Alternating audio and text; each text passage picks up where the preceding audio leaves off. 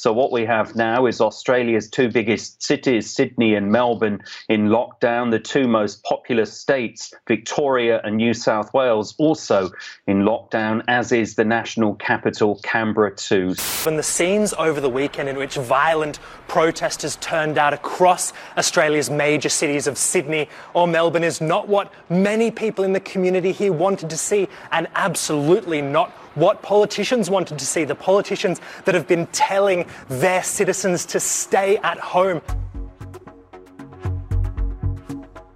Ja, vi ska till Australien, landet som sedan pandemin bröt ut opererat under linjen Covid Zero. Landet som drabbats förhållandevis lindrigt av coronaviruset, åtminstone fram till nu.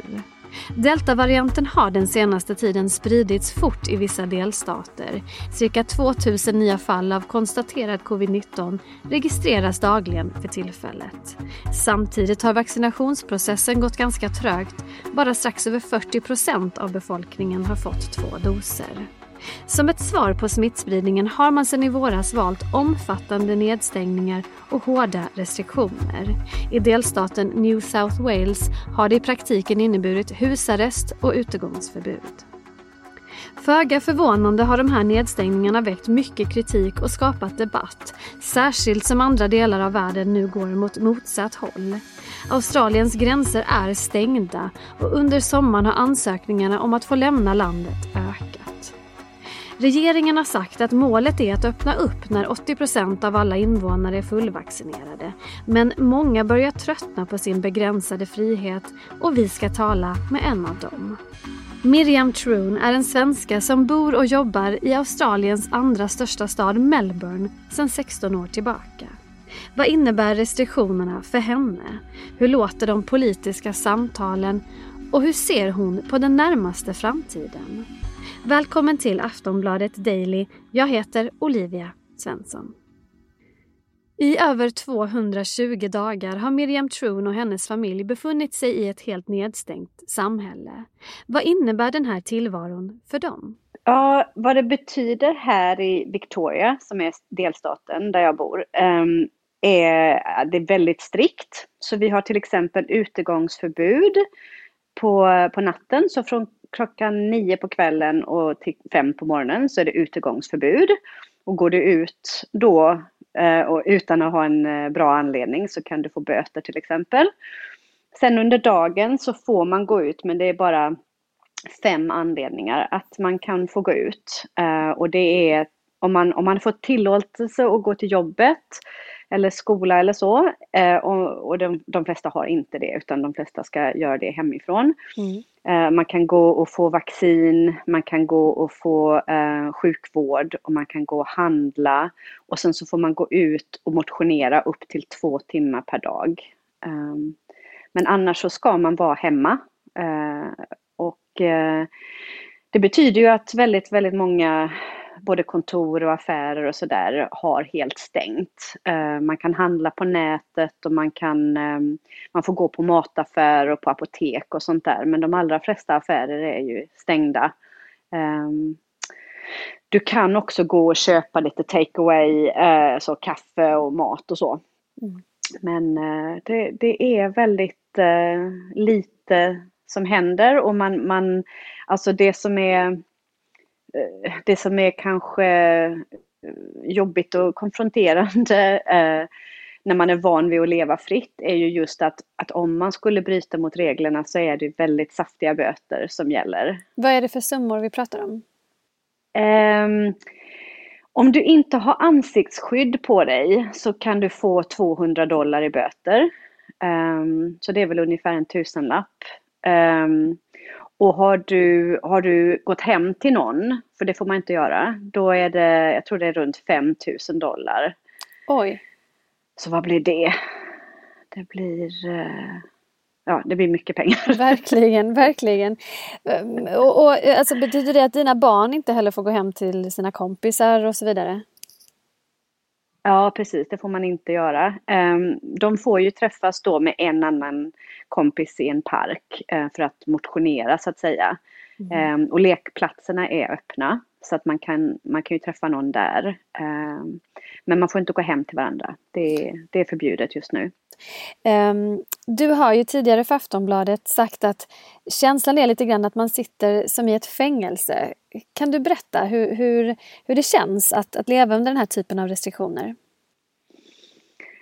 Ja, alltså det är ju olika för olika personer, men för mig så känns det så. Alltså jag tycker det känns väldigt eh, jobbigt personligen att, att, inte, att inte kunna gå ut som jag vill. Jag, jag gillar att vara utomhus och gå ut och motionera hur mycket, ja, i, i vanliga fall hur mycket som, som, som jag bara vill.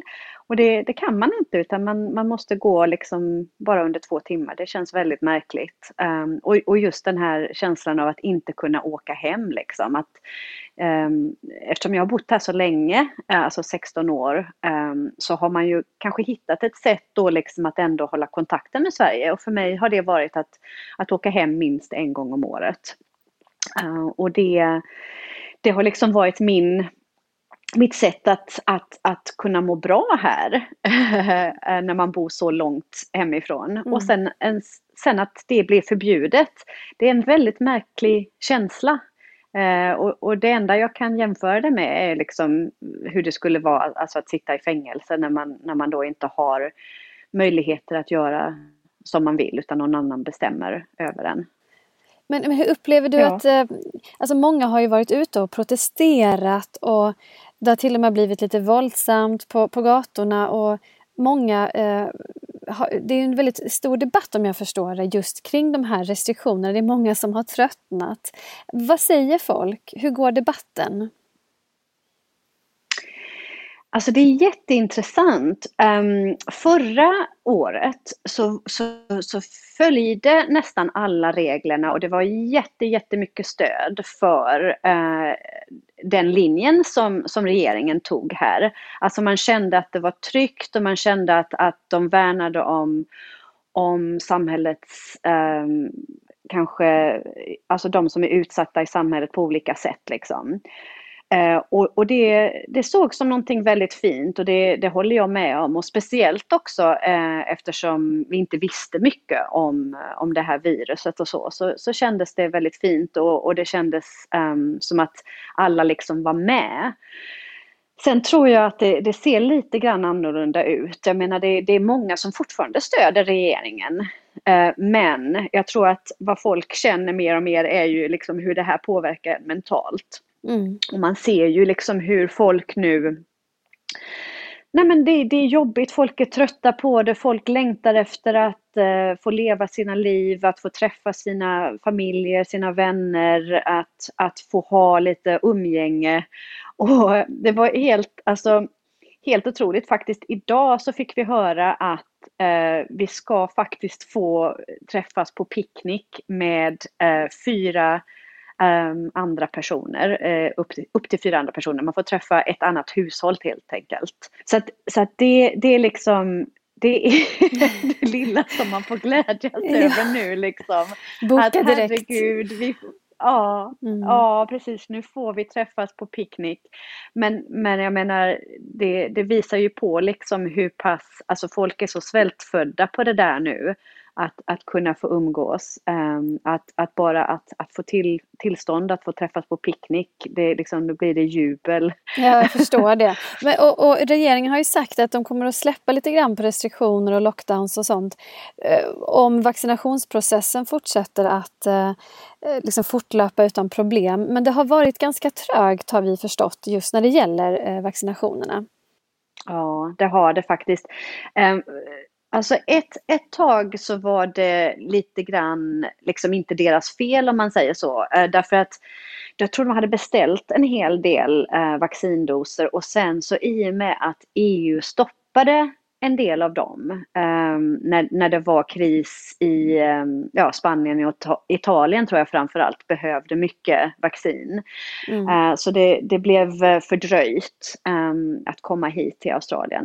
Uh, så det var det, första problemet. Men sen när det väl har kommit hit så tror jag att det, det är lite, lite dubbelt liksom. Å ena sidan så tror jag att folk är mm, väldigt rädda för viruset. Men å andra sidan så har de inte heller upplevt liksom väldigt många eh, som har blivit sjuka eller som har dött av det. Så det är också lite så här um, lite främmande och lite svårt att föreställa sig liksom. Så att för vissa så tror jag att de, de är mer oroliga kanske för vaccinet än för viruset på något sätt. Alltså, och jag tror media här har nog inte hjälpt till utan det var väldigt, väldigt, väldigt mycket fokus på um, det här AstraZeneca-vaccinet och att det var mm. vissa som fick blodproppar. Det blev alltså väldigt mycket skriverier om det. Och um, så liksom till den grad att, att folk nu liksom väljer att inte ha det och liksom vissa i, i, i um, tidningar och så vidare säger liksom att ja men jag tror, jag tror det är större risk att, att ta vaccinet än att få viruset. Mm. Och det, det, det, stämmer ju inte med, med, med, liksom om man tittar på vetenskapliga studier men det har blivit lite, ja vissa, vissa tror liksom på det där. Um, men men det, det, det är ju intressant också att um, alltså debatten blir um, väldigt känslig. För att i, i 18 månader nästan så har vi blivit matade i det här landet med att liksom om, om du inte följer reglerna så, är, så kommer någon som du älskar dö. Så, mm. så säger våran, eh, så säger, så säger politikerna till oss. Det är den så retoriken de använder käns- helt enkelt. Ja, mm. precis. Det har väldigt mycket skrämseltaktik. Um, och det var kanske rätt taktik till att börja med tror jag. Men, men, men hur, hur, det, hur det är nu blir ju då att det blir väldigt um, svårt att ha en nyanserad diskussion i samhället, liksom vad som är rimligt. Um, jag vet att, att um, det är vissa som, som nu liksom höjer sina röster och säger att liksom, vi måste hitta en balans, vi måste öppna upp lite. Visst, vi måste fortfar fortfarande värna om de svaga i samhället och de som liksom behöver skyddas. Men, men vi måste också hitta en balans med att folk ska kunna leva sina liv och må bra. Och ehm, jag märker både liksom i den offentliga inte rabatten, mm. den offentliga debatten. Eh, och när jag pratar med mina vänner och bekanta att det kan, att väldigt, väldigt snabbt så blir det väldigt känsligt. Alltså att folk, det blir väldigt antingen eller, väldigt svart eller vitt liksom. Antingen stöder du de här väldigt starka restriktionerna eh, och, och, och, så ska det vara så. Eh, eller om du liksom kritiserar så kan det lätt bli att folk då säger, drar fram de där, eh, den där retoriken liksom. Jaha, vill du att folk ska dö eller? Eh, så att det blir antingen eller snarare att man hittar någonstans, någonstans i mitten liksom, några nyanser. Mm. Mm. Och jag tänkte på det att våren är ju på väg nu till Melbourne. Ni fick reda på att ni kommer att få kanske ändå sitta på en picknick med några kompisar.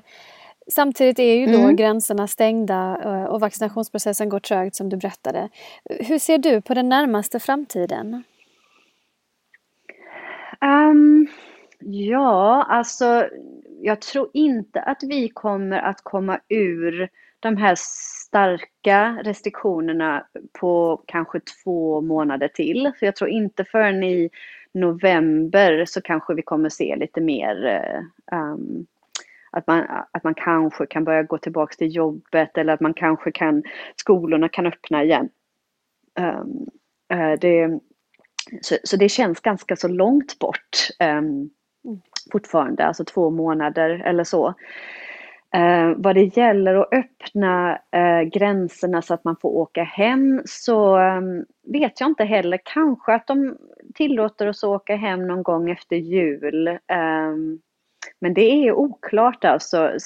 Det som är komplicerat också är ju att det är, det är delstaterna som styr eh, vad det gäller sånt här i, ehm, i Australien. Så att även om, om våran ehm, federala regering nu säger liksom att nu måste vi öppna upp och nu måste vi börja tänka på att leva med det här. Så är det många av, ehm, av de som styr i delstaterna som inte håller med och som känner liksom att nej, jag vill, jag vill liksom hålla, hålla min delstat fri från, från eh, corona. Eh, och, eh, och det, det, det, det liksom, de kan göra det om de vill. De kan stänga gränserna både internt och mot utlandet. Sist här hörde vi Miriam Troon, en svenska bosatt i Melbourne, Australien. Jag heter Olivia Svensson och du har lyssnat på Aftonbladet Daily. Vi hörs igen snart. Hej då. Du har lyssnat på en podcast från Aftonbladet. Ansvarig utgivare är Lena K Samuelsson.